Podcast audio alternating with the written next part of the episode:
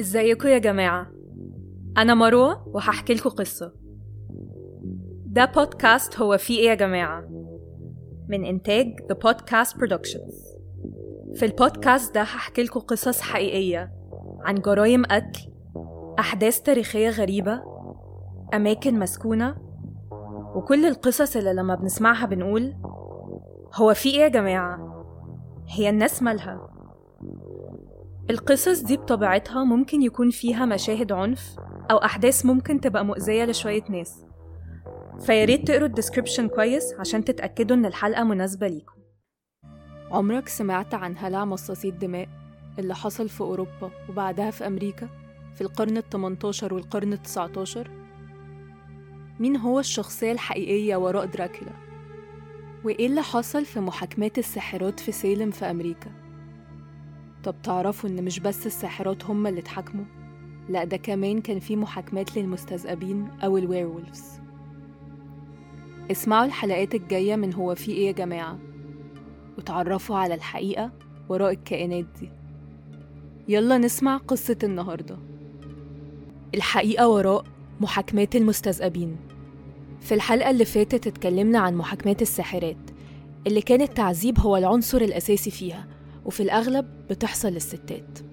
في الحلقة دي هنتكلم عن ظاهرة تانية شبهها شوية وهي محاكمات المستذئبين اللي كانت بشكل أساسي بتحصل لرجالة محاكمات المستذئبين حصلت في أوروبا ما بين القرن الخمستاشر والقرن التمنتاشر يعني في نفس الفترة اللي حصلت فيها محاكمات الساحرات. العنصر الأساسي ورا المحاكمات دي هي أسباب دينية على أسباب سياسية وأغلب المتهمين كانوا بيبقوا زي كبش فدا بيتقدم لغرض سياسي معين.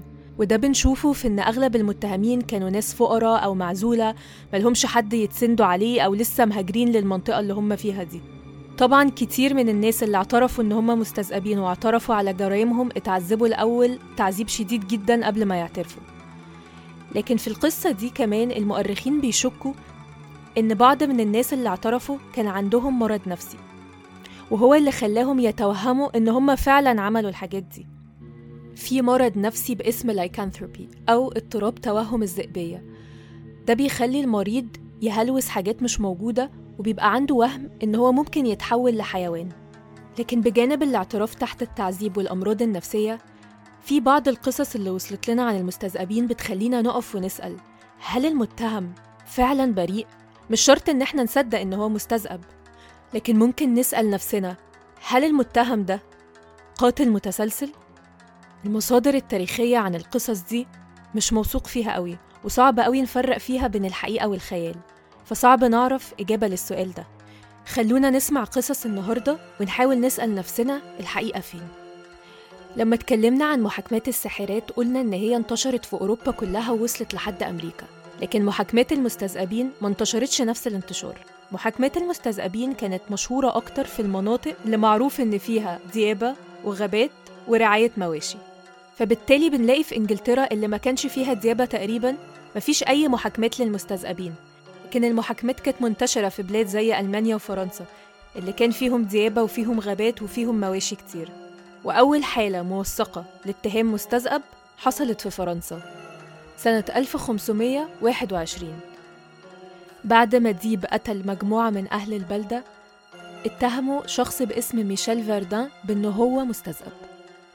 وبعد تعذيب ميشيل اعترف إن هو فعلا مستذئب واعترف على كل الجرائم. اعترف كمان على شخصين تانيين باسم بيير بورجيه وفيليبير موتو. بيير وميشيل الاتنين اعترفوا إن هم عملوا عقد مع الشيطان وان الشيطان اتجسد لهم في هيئة شخص لابس أسود في أسود. إداهم مرهم ولما دهنوه كانوا بيتحولوا المستذئبين. ولما بيتحولوا بيروحوا يصطادوا وياكلوا الأطفال. الشخص التالت اللي كان متهم معاهم رفض إن هو يعترف لكن التلاتة اتعدموا بالحرق. ودي كانت بداية لمجموعة من المحاكمات معظمها شبه بعض في التفاصيل. زي إن مثلا في 1651 في إستونيا قبضوا على شخص عنده 18 سنة باسم هانز. هانز اعترف من غير تعذيب إن هو بقاله سنتين مستذئب وإن هو اتحول لمستذئب عن طريق إن راجل لابس أسود في أسود عضه. المحكمة فسرت الراجل الأسود ده على إن هو أكيد الشيطان وبالتالي هانز بقى متهم لأن هو تواطأ مع الشيطان. ومع إن ما كانش فيه أي أدلة قطعية تربط هانز بجرايم؟ لكن التهمة ثبتت عليه ولما سألوه أكتر عن حالته والتحول اللي هو فيه هانز قال إن هو بيحس إن هو أكتر حيوان بري عن كونه إنسان. والمحكمة أدانته واتعدم. لكن زي ما قلتلكوا في أول الحلقة في بعض المحاكمات كان المؤرخين محتارين قصادها. هل يصنفوا الشخص ده كشخص بريء أو شخص مريض وتحط تحت تعذيب شديد؟ ولا الشخص ده برضه مجرم بس بشكل تاني؟ النهاردة هنتكلم على قصتين من دول. أول واحدة هي قصة حصلت في ألمانيا لشخص اسمه بيتر ستامب. في كذا مصدر بيقول إن كلمة ستامب جت بسبب إن هو كان فقد إيده الشمال في حادثة ما وكلمة stump في الإنجليزي يعني الجزء المتبقي من العضو المبتور. والكلمة اللي في الألماني شبهها جدا. إحنا ما نعرفش ستامب اتولد إمتى.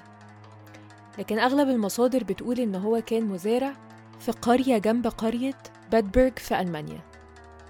ما بين سنة 1564 و 1589 كان في حوادث قتل غريبة بتحصل في مدينة بادبرج ومحدش عارف سببها. على بداية التمانينات من القرن ده ابتدى يبقى في إشاعة عن وجود مستذئب في القرية هو اللي بيقتل الناس. وقتها ما كانش حد لسه شاكك في بيتر ستامب. بعد كده في بنت هجم عليها ديب أو كائن شبه الديب لكن بشكل ما نجيت وحكت القصة. فرجالة القرية ابتدوا يطاردوا ويدوروا على الديب ده لحد ما لقوا واحد وهجموا عليه وقطعوا إيده. في مصادر بتقول إن الديب وقتها اتحول لإنسان والإنسان ده كان بيتر ستامب لكن في مصادر أكثر واقعية القصة بتقول إن بعد ما قطعوا إيد الديب ده كان في مزارع ماشي وقابل بيتر ستامب ولاحظ إن هو كمان إيده الشمال مقطوعة. وده كان كافي إن أصابع الاتهام تتوجه ناحية بيتر ستامب. الدليل مش قاطع وبالتالي محتاجين اعتراف وهو ده اللي حصل فعلا. بعد ما بيتر ستامب اتعذب اعترف بكل حاجة. وفي 31 أكتوبر 1589 اتجمعوا الناس في بادبرج علشان يتفرجوا على إعدام بيتر ستامب. بيتر ستامب اعترف إن هو تواطأ مع الشيطان وإنه على مدار 25 سنة كان بيتحول لمستذئب ويقتل الناس وياكلهم. بيتر اعترف إن هو قتل 16 شخص 13 منهم كانوا أطفال وواحد منهم كان ابنه. واعترف إنه بعد ما قتله أكل مخه. بيتر برضه اعترف إنه هو اغتصب بنته. وإنه كان على علاقة بجنية بتظهر له في هيئة ست. وقال إن هو بيتحول لمستذئب عن طريق حزام سحري بيلبسه حوالين وسطه أول ما بيلبسه بيتحول على طول. بيتر اتعدم بأبشع صورة. ربطوه على عجلة كبيرة. ابتدوا يشيلوا حتت من جلده بآلة متسخنة في النار. وكسروا دراعه وكسروا رجله وقطعوا راسه وحرقوا جسمه. بس ده ما كانش كفاية. بعد كده جابوا راس بيتر وحطوها على جسم ديب وسابوه في ميدان عام كعبرة لأي حد بيفكر يتحول لمستذئب. القصة التانية حصلت في قرية اسمها دول في فرنسا سنة 1572 والمتهم كان اسمه جيل جارنيه. جيل جارنيه كان شخص متعود على العزلة كان عايش لوحده في كوخ جنب الغابة. جارنيه اتجوز وفضل عايش حياة معزولة هو ومراته. لكن بعد فترة ابتدت تبقى فيه حوادث غامضة لاختفاء أطفال صغيرين. وفي بعض الحالات كانوا بيلاقوا جثث أطفال متشوهة ومتقطعة. وابتدت الإشاعات تزيد لحد ما بقت النظرية العامة هي إن في مستذئب في القرية. وابتدت الناس تبلغ إنها بتشوف كائن زي الديب. مجموعة من الرجالة ابتدوا رحلة من البحث علشان يلاقوا المستذئب ده أو الكائن اللي بيقتل الأطفال وفضلوا يدوروا لحد ما وصلوا لأطراف القرية ولقوا شخص ماسك جثة طفل فقبضوا عليه وعرفوا إن هو جيل جارنيه. في المحاكمة جيل اعترف وقال إن هو في ليلة من الليالي جاله شخص واداله مرهم والمرهم ده كان بيساعده إن هو يتحول لديب والسبب اللي خلى جيل يوافق إن هو كان بيجد صعوبة إن هو يوفر الأكل ليه ولمراته. فكون إن هو يقدر يتحول لديب ده هيسهل عليه إن هو يصطاد الفريسة وياكلها. أول ضحاياه حسب اعترافه كانت طفلة صغيرة عندها عشر سنين. جارنيه خطفها وقتلها وابتدى ياكل أجزاء منها. وبعد ما خلص وداها لمراته عشان هي كمان تاكل. الضحية اللي بعدها كانت طفلة صغيرة برضه وهو بياكل عدى مجموعة من المزارعين فخاف وهرب وساب بقية جثتها. وفضل مكمل بالشكل ده لحد ما في يوم خطف ولد وما استناش يصبر لحد ما يتحول لمستذئب وهجم على الولد. وهي دي اللحظة اللي كان أهل القرية لقوه فيها وقبضوا عليه وفي سنة 1573 اتنفذ فيه حكم الإعدام بالحرق في مؤرخين بيفسروا القصص اللي زي قصة بيتر ستومب وجيل جارنيه والقصص التانية اللي شبهها على إنه في الزمن ده كلمة المستذئب أو الراجل الذئب هي الكلمة الوحيدة اللي كان أهل الزمن ده بيعرفوا يفسروا بيها وجود قاتل متسلسل. في نفس الوقت في نظرية بتقول إن أي شخص اتقتل من ديب هجم عليه سهل قوي نلفق الضحية دي لبني آدم ونقول إن البني آدم ده هو مستذئب. وبالتالي ما نعرفش إذا كانت الضحايا دي اتقتلت على إيد شخص ولا إيد ديب أو حيوان بري من الغابة. وفي مؤرخين بيقولوا إن المحاكمات دي كانت مجرد أداة سياسية علشان يخوفوا بيها الناس ويعرفوا يتحكموا فيهم بشكل أسهل. في النهاية المصادر التاريخية مختلفة جدا في القصص دي وفيها مزج عالي بين الحقيقة والخيال.